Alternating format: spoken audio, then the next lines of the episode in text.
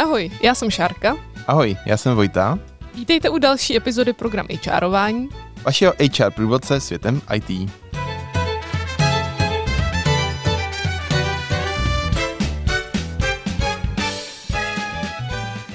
Tak dnešním hostem je Lenka Silná. Ahoj Leni, můžeš si nám nějak představit?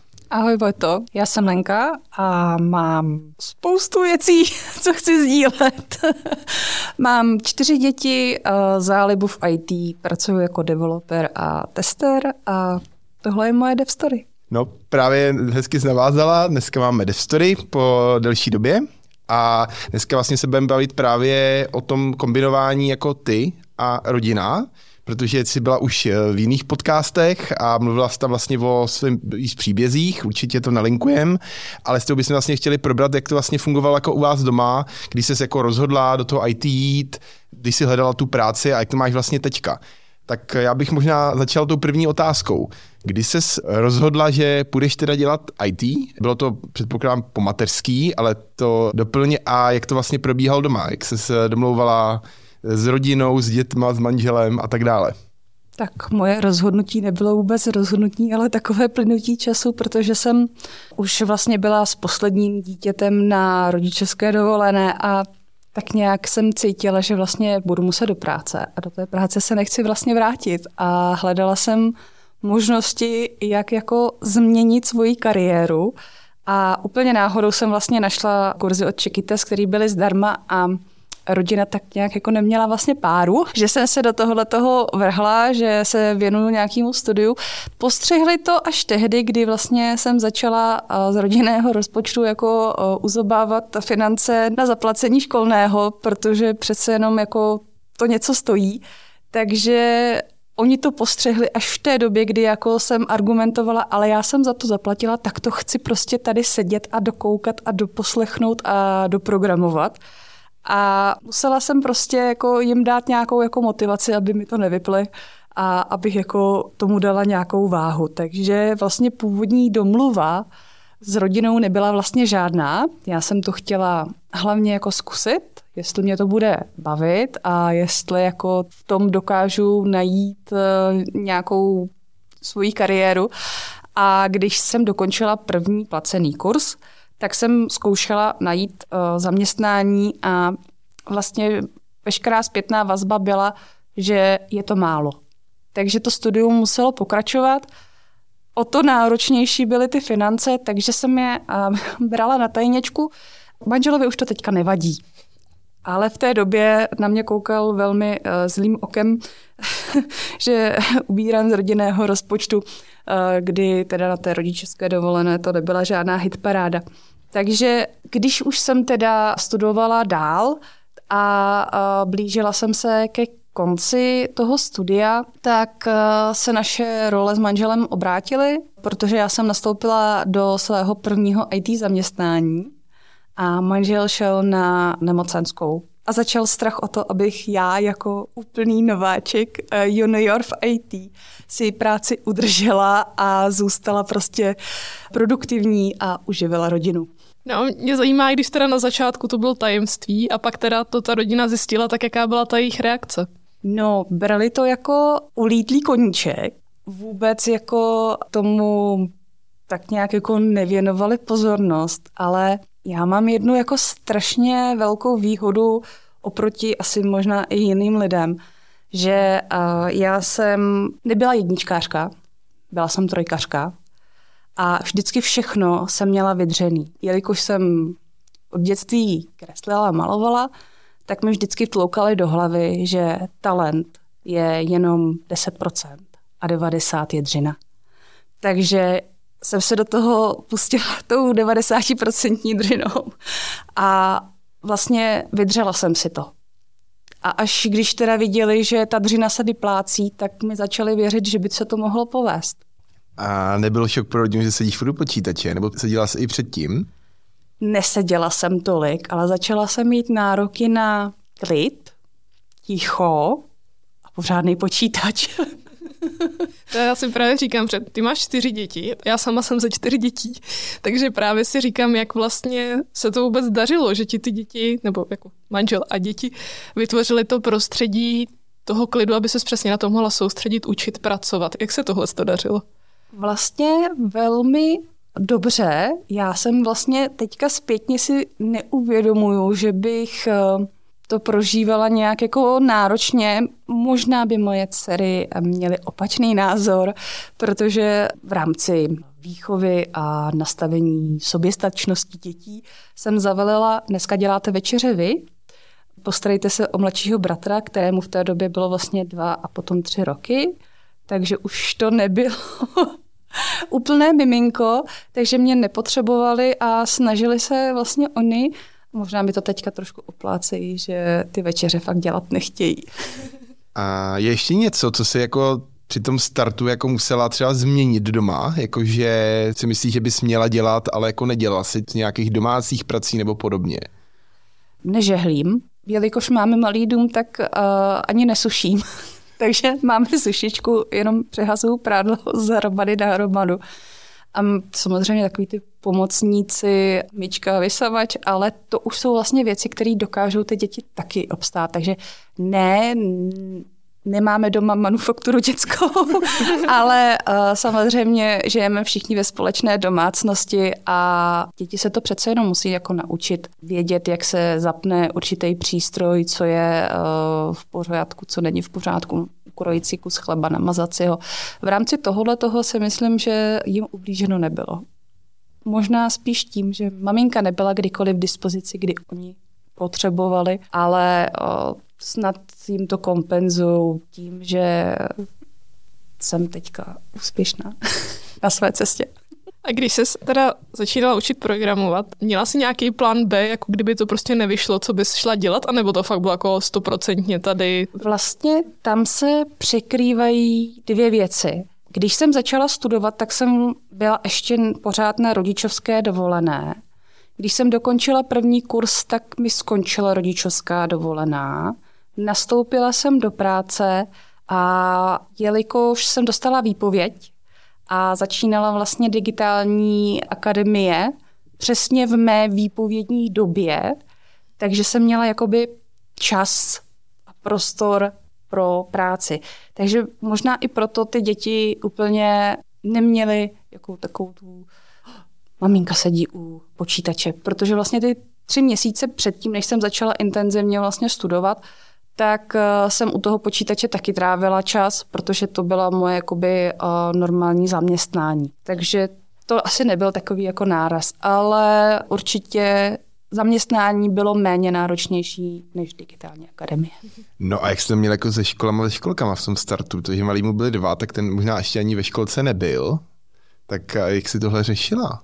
No, díky tomu, že byl covid, tak digitální akademie eh, se otevřela online – takže vlastně všechno probíhalo online, ale o to snadněji se člověk ztrácel ve výuce a, a jakoby hůř se motivoval k vykonávání těch úkolů, k samostatnému studiu, popráním se vlastně s úplně novým programovacím jazykem, protože do té doby jsem jenom značkovala a přidávala CSS, takže to bylo easy ale už jsem si čuchla vlastně k reálnému uh, vlastně web developmentu a najednou to bylo prostě těžší.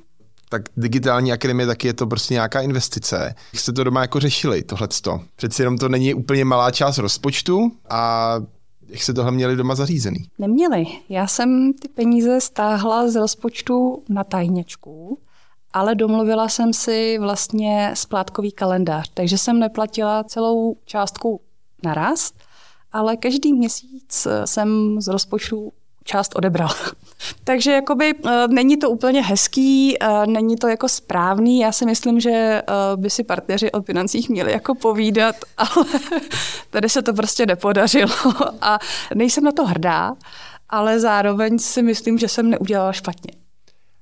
A co si o tom vlastně myslel manžel? Teda jako obecně, jako že taková investice jako podporoval tě, nebo si myslel, že jsi se zbláznila, nebo... V životě přišel o víc. Takže to bral jako možnou ztrátu investice, ale já si myslím, že teď už mu to tak nepřijde. Super, tak se posuneme dál. Měla si za sebou ten kurz, začala si teda hledat tu první práci. Jak to šlo?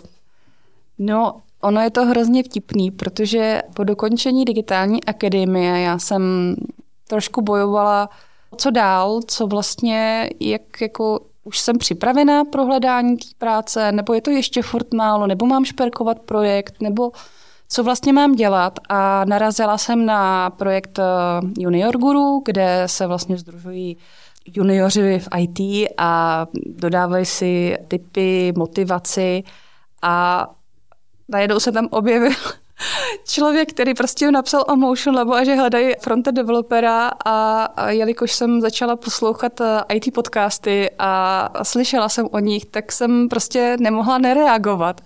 Takže ono to vyšlo na poprvé, což je takový trošku zázrak, asi v IT a v dnešní době, ale fakt se to povedlo. To zní úplně jako osud, kdyby to bylo. Třeba jo. Takhle, tím, že jsi nemohla vědět, že to vyjde na poprvé, připravovala jsi nějak na ten pohovor, nebo víš, jako by ve smyslu třeba koukala jsi na nějaký, já nevím, články třeba na co se ptát na pohovorech, nebo upravovala jsi nějaký životopis, nebo jako takovouhle přípravu? Životopis a tyhle ty věci jsem si upravovala v rámci vlastně Čekitas, kde byl i blog jakoby pro hledání práce. Takže na tohle jsem se jakoby měla něco připravené a v rámci toho, že oni v rámci digitální akademie vytváří se projekt, kterým se člověk může prezentovat, co se naučil, eh, jakého jsou jeho skills, tak i k tomu jsem si vlastně připravila jakoby materiály, šperkovala jsem ho, takže jsem trošku připravená byla, ale de facto jsem ani nezačala pořádně hledat, protože to přišlo ještě předtím, než jsem vlastně ty životopisy rozesílala a než jsem vlastně se dostala jakoby k té řádné práci hledání nového zaměstnavatele. Přemýšlela jsi vůbec třeba nad tím, eh, že jak máš prostě čtyři děti, nějakou rodinnou situaci, že vlastně to je relativně diskriminační věc v současné společnosti, jako děti a plem čtyři děti. Přemýšlela třeba nad tím, jestli jako nebude tohle jako problém, nebo tak? Samozřejmě obavy tam byly, protože zaprvé čtyři děti je jakoby, je to radost, ale je to velký handicap na trhu práce. Ale zase na druhou stranu, pokud by to zaměstnavatel neakceptoval, tak asi to není zaměstnavatel pro mě. Takže já tohle tu informaci většinou říkám, aby bylo jasno hnedka od začátku a měl se ten daný člověk nebo prostě daná firma možnost rozhodnout, jestli vůbec uh, někoho takového chtějí a zároveň pokud chtějí a nevidí v tom překážku, tak je to pro mě známka, že ten uh, zaměstnavatel má určité kvality a je to prostě meč pro mě a pro něj. A vyjednávala jsi s nějakou časovou flexibilitu právě kvůli těm dětem, anebo jsi jenom zmínila, mám prostě čtyři děti a jako nebylo s tím nic spojeného? Já si to moc už nepamatuju, ale vím, že jsme se bavili o tom, že je možnost pracovat z home office uh, s nějakou dobou vlastně pro zapracování, načerpání informací uh, o produktu, o tom, jak to prostě ve firmě chodí a následně potom jakože můžu přejít na home office dočasnou docházku do kanceláře. Takže takhle zněla domluva a když jsem se vlastně ptala jako doma, jestli je to akceptovatelné, tak mi bylo řečeno, že ano, protože nějaká teda domluva už tam potom probíhala.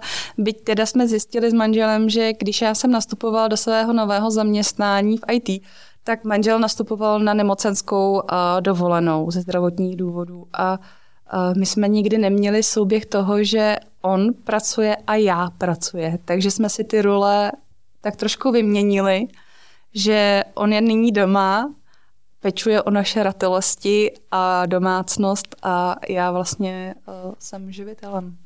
A byla nějaká změna ve chvíli, jako když se teda nastoupila, kromě toho, že teda manžel šel na nebocenskou, nějaká další změna u vás doma? Třeba jako, že ještě si zintenzivnila něco nebo s něco ještě víc jako vynechávala, po případě přidala do domácích prací dětem? No, oni děti vlastně mým dostudováním začaly mít celkem pohlav, ale začal být vytížený můj manžel. Takže já si myslím, že teďka vlastně na hrbu má všechno on, co teda ještě nedělá, tak nezapíná pračku ale vyndává ji a dává do sušičky. Ale jinak vlastně už obsáhne úplně všechno, co bych jako obsáhla já jako matka. Mě ještě zajímá, Když jsi teda nastoupila do Motion Labu, jaký pro tebe byly ty první dny, nebo jaký byly třeba největší výzvy, nebo klidně i radosti v těch prvních dnech? Já si pamatuju, že to bylo strašně náročné. Po té době doma jsem byla na jednu stranu strašně šťastná, že můžu vypadnout, že se bavím s dospělýma lidma, že fakt jako je to úplně poznášející změna toho prostředí. Ale na druhou stranu to byl masakr informací. Poznání, že na digitální akademii jsme se sice naučili, ale je to jenom zlomek toho, co obnáší frontend vývoj a že vlastně asi nic neumím, že se asi spletli, že jsem tam asi úplně špatně. A vytvářela jsem obrovský tlak na to, abych dokázala, že prostě tam patřím, že musím prostě to dát, že teďka to vlastně ta rodina je na mě, že manžel prostě má zdravotní problémy a já jsem prostě se dostala pod neuvěřitelný tlak, který jsem si ale dělala já sama. Což jsem si uvědomila až jakoby později a začala jsem jako zvolňovat, ale tu tendenci mám furt. Že byť jsem si to dělala sama, tak jsem měla velmi skvělého tým lída, který prostě říkal, leni v klidu, to je úplně v klidu, jako to dáš, prostě to chce klid a čas a odpočíň si a říká mi to dodnes. Jak probíhaly ty první dny na home officeu? Já jsem přišla na home office zcela nečekaně po očkování na covid, kdy jsem onemocněla covidem a sejmulo mě to na 14 dní. Jeden týden v posteli a další týden teda už u počítače. A doufám, že se teda přesvědčili, že jsem schopná pracovat z domova a efektivně komunikovat, že mi to už dovolili vlastně od té doby na pořád. Takže po 14 dnech od nástupu jsem přešla na home office. A ještě mě zajímá, když ty jsi to vlastně řekla sama, že to bylo hrozně moc informací jako oproti tomu vlastně základu na tom kurzu. Znamená to, že jsi teda jakoby jenom pracovala, nebo jsi ještě nějak vzdělávala vedle té práce, nebo jak jsi vlastně jako učila rychleji, intenzivněji od té doby, co jsi nastoupila do práce? Učila jsem se určitě rychleji, minimálně v tom, že přišel nějaký úkol, takže jsem proskoumala vlastně kód, našla jsem to místo vlastně, protože jsem ten projekt neznala a nikdy nešlo ani o to samotné programování, ale o orientaci v kódu a kde vlastně to se to děje a kde vlastně já to mám jako napsat, což asi mi přišlo úplně to jako nejtěžší, protože dost dlouhou dobu jsem se v tom kódu úplně ztrácela, protože jsem nevěděla, co se kde loaduje, kde se vlastně načítají data a kde co předávám, odkud se to dědí. Prostě strašně moc informací samozřejmě a když jsem se zeptala, tak eh, většinou to znělo tak, že se mám podívat do dokumentace. Takže začala jsem používat dokumentaci, začala jsem používat Google, začala jsem prostě jako se dostávat do té běžné praxe, co člověk dělá, když jako řeší nějaký problém, protože předtím to bylo easy. Předtím jsem prostě, když měla nějaký problém, zeptala jsem se lektora nebo kouče a to googlení jako se tam moc jako neprovozovalo, protože aby se nestržovalo, tak eh, to nebylo udělej si to sám nebo daj si to sám, dopátrej se. Takže to bylo na takovém jako stříbrném táce. A teď už to byla ta praxe, kdy jako nejseš tom sama, ale zároveň se snaž. Takže ta informační nálož byla hlavně v souvislosti teda s tím produktem, jak vypadal ten produkt, jak fungoval. A OK, OK. Přesně tak, plus teda samozřejmě nový knihovny, systém aplikování knihoven, v životě jsem to neviděli, my jsme psali vlastně čistý React, komponenty jsme psali na zelené louce.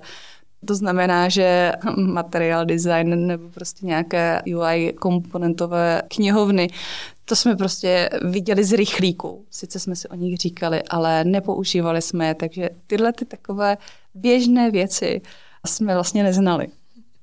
Jak to pro tebe bylo jiný ve smyslu, že když vlastně porovnáš větší a menší firmu, tak v těch větších firmách máš že jo, větší kolektivy, kolikrát tam máš třeba nějakého buddyho mentora, který na tebe dohlíží jako na nováčka. Ve startupu je to takový, že přijdeš a je to na tebe většinou hozeno a prostě musíš to nějak zvládnout. Jaký tohle bylo pro tebe? Jako pořád se cítila, že třeba tam byl nějaký v úvozovkách mentor pro tebe, anebo to byl takový jako battlefield a musela jsi na to přijít sama? To je hrozně zvláštní, protože už je to docela dlouhá doba, takže si to moc nepamatuju. Já si pamatuju hlavně ten uh, svůj jakoby uh, mentální blok, že jsem se na sebe hodně tlačila, ale zároveň já jsem neměla nabídku z korporátu, takže jsem nikdy nezažila IT korporát, takže nemůžu posoudit a porovnat, o jak sedadnější cesta to je. A to, že jsem šla do startupu, to jsem věděla, Zároveň jsem nikdy ve startupu nepracovala, to znamená, že to byla úplně nová zkušenost. Ale já myslím, že ty lidi, kteří uh, tam na mě čekali, byli skvělí, protože kdykoliv jsem se zeptala, tak mi bylo odpovězeno, buď koukni se do dokumentace, je to tam, to znamená, že prostě někde existovala správná odpověď a pokud neexistovala někde na síti, tak prostě mi ji řekli, anebo mě navedli abych byla samostatnější a vlastně nevidím nic na tom špatného, že mě jenom navedli, že mě neřekli hned tu správnou odpověď, protože možná proto jsem se to naučila, než abych teda se jenom furt ptala a nezapsala si to do té paměti tak dobře. Tak, tak teďka už programuješ pár let. Co se změnilo? Co je vlastně teďka nový třeba doma? Uh, doma se toho moc nezměnilo. Stále mám čtyři děti. Jednoho nemocného manžela a jednu nemocnou babičku doma. Ale uh, vlastně moc se toho nezměnilo. Děti jenom začaly chodit do školy, uh, nejmladší syn do školky, příští rok už jde do školy, takže jako všechny jsou v ústavu celkem spokojené, umí se o sebe postarat a maminka stále sedí u počítače. Takže um, nic nového bych řekla. A není máš ani jako třeba u dětí nějaký, jako, že už třeba už fakt vnímají, jsi programátorka a tak, nebo pořád eh, jako je to to samé, co to bylo, kdy se rozhodla do toho jít? Já jsem se onehda snažila vlastně vést eh, děti k programování. Naštěvovali kurzy a vlastně ve Scratchi. Dceru to velmi bavilo, eh, druhá z toho úplně nadšená nebyla. Potom ještě zkusili programování v Minecraftu, tam je vlastně odradilo to, že si to nemůžu vyzkoušet v reálné hře, ale jenom v Java edici, takže vlastně od toho tak nějak jako upustili. Takže já podle mě vůbec nevěří, že programuju. No a pracovně, jak to vnímáš teďka oproti tomu, kdy jsi vůbec rozhodla, že do toho půjdeš, do Čekytas a tak, oproti tomu, kdy jsi nastoupila a současné době? Mnohem jistější, že když už vidím kód, tak se nelámu. už uh, vím, kam šáhnout, už znám spoustu triků. A to, co mi dřív trvalo v týden, tak udělám za pár hodin. A to, co ti řekl Google, ti teďka říká chat GPT. Ano, nebo kopilot. No a jsi pořád členkou Junior Guru, pořád jsi v kontaktu s těma juniorama? Naposledy jsme se viděli vlastně na PyConu, kde jsem vyprávěla svoji celkovou destory, protože měla ještě dřívější začátek, protože jsem k tomu čuchla už dřív, ještě v 90. letech, což teda ještě moc ten frontendový vývoj nebyl tak atraktivní jako teď. Ale tam jsme se viděli, velká část komunity a stále tam jsem, já Junior Guru vlastně vděčím za nalezení prvního místa, za potkání uh, vlastně se svým tech leadem, za možnost uh, podívat se na Web Expo, přednášet na PyConu, ale už je to komunita, která mi moc toho nemůže nabídnout a už jsem asi výš, než uh, je cílová skupina. A já proto se ptám, protože právě vím, že jsou tam i nějaký seniornější lidi, kteří právě jako naopak pomáhají těm juniorům, jako Vojta třeba. Tak eh, jestli tě třeba taky něco takového láká se tam vlastně vrátit, jako ten teda seniornější člověk a vlastně pomáhat těm juniorům. Já vlastně pomáhám v Čekita, zkoučuju na kurzech, ale přijde mi, že na Junior Guru ještě mám málo zkušeností na to, abych mohla někomu radit že necítím se úplně na to a těch programovacích otázek je tam velmi málo. A kromě Chiquitas a uh, Junior Guru a PyConu, nějaký další aktivity? Kromě tady těch aktivit byla vlastně i v podcastu nějakým jiným, že jo, před náma, není to tvůj první podcast? Ne, není. Vlastně byla jsem u Alice Freud ve Restarty IT a tam jsem povídala taky o své cestě, tak abych si to natrénovala. Leni, my moc děkujeme, že jsi přišla. Bylo to naprosto super. Ještě jsme tady neměli nikoho takového, jako seš ty. Ten příběh je jako naprosto neuvěřitelný. Byl pro mě neuvěřitelný, když jsem ho slyšela na pohovoru, když jsem tě nabírala do Motion Labu. A stejně neuvěřitelný pro mě i dneska. A děkujeme, že jsi přišla a doufám, že budeš tady tu svoji story sdílet i v dalších podcastech a na dalších konferencích, protože je to ohromně zajímavý. Já moc krát děkuji za pozvání a já doufám, že tu cestu už opakovat nebudu, že už budu říkat jenom samé technologické novinky a budu se podílet na nějakých uh, super projektech, o kterých budu moc mluvit. Díky Lení. Děkujeme za poslech. Sledujte nás na LinkedInu, Instagramu a Facebooku nebo pište na info zavináč program hrline.cz. Naslyšenou. Naslyšenou.